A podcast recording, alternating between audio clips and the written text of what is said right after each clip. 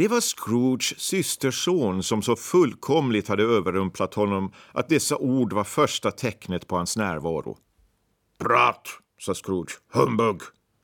Scrooges systerson var varm efter sin hastiga promenad i dimman och kölden. Han riktigt blossade, ansiktet var rödblommigt och grant, ögonen glänste och imman stod ut ur munnen på honom. Säger morbror att julen är humbug, sa Scrooges systerson. Det menar inte morbror.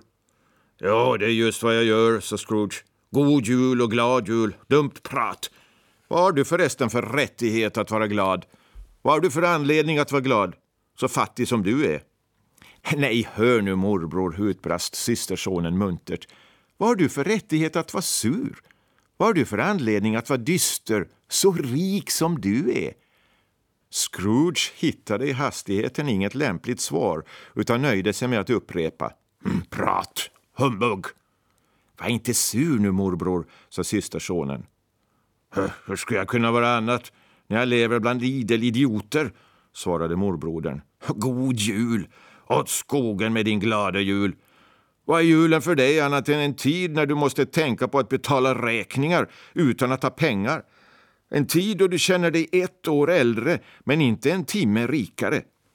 En tid då du måste göra ditt bokslut med ena sidan alldeles blank och den andra alldeles fullskriven.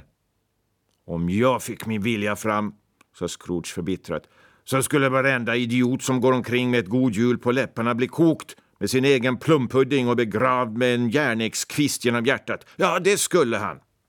Morbror, sade systersonen i bevekande ton.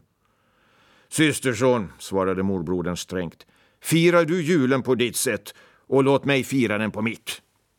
Fira? upprepade Scrooge systerson. Men du firar den ju inte alls. Nå, låt mig vara i fred då, sa Scrooge. Som om du hade någon glädje av julen, som om den någonsin hade gjort dig något gott.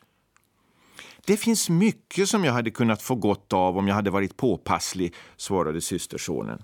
Och dit hör julen. Men även frånsett den vördnad som tillkommer julen för dess heliga namn och ursprung, det vill säga om man kan frånse något som hör till den, så kan jag försäkra att jag alltid betraktat julen som en lycklig tid. En mild, förlåtande, deltagande, behaglig tid. Den enda tid på hela det långa året då människorna genom en tyst överenskommelse tycks öppna sina tillbommade hjärtan och ägna en tanke åt sina sämre lottade medbröder och verkligen betraktar dem som följeslagare på vägen mot graven och inte som ett annat slags varelser bestämda för andra vägar. Ser morbror, det är därför jag tror att julen har gjort mig gott och kommer att göra mig gott, även om den inte har bragt mig gods och guld. Och jag säger ännu en gång, Gud välsigne julen. Bokhållaren i skrubben kunde inte låta bli att klappa i händerna eh, men han förstod ögonblickligen att det var opassande och började röra om i brasan med påföljd att han släckte den sista svaga gnistan. Om jag hör ett enda knyst mer från er, sa Scrooge, så ska ni fira julen med att mista er plats. Du är en riktig vältalare, fortfor han och vände sig åter mot systersonen. Det förvånar mig verkligen att du inte har kommit in i parlamentet. Var inte förargad längre, morbror. Kom hem till oss imorgon och ät middag. Scrooge svarade att han önskade honom till, ja det gjorde han och avslutade kraftuttrycket och sade att han först ville se honom på detta avlägsna ställe.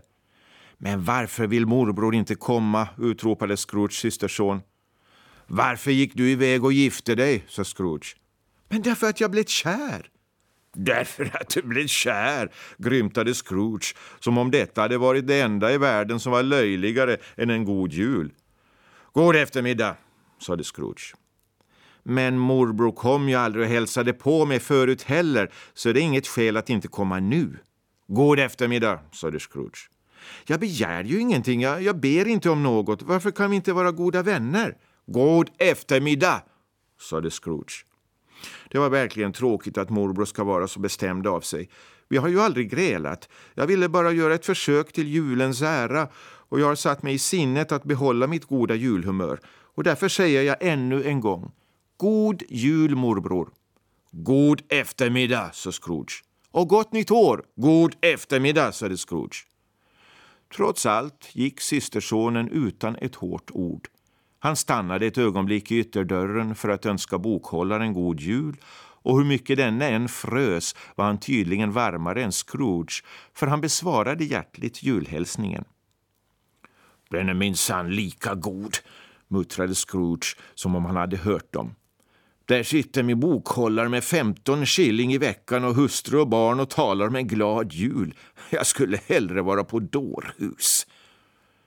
Den tokige bokhållaren hade samtidigt som han släppte ut Scrooges systerson släppt in två andra personer.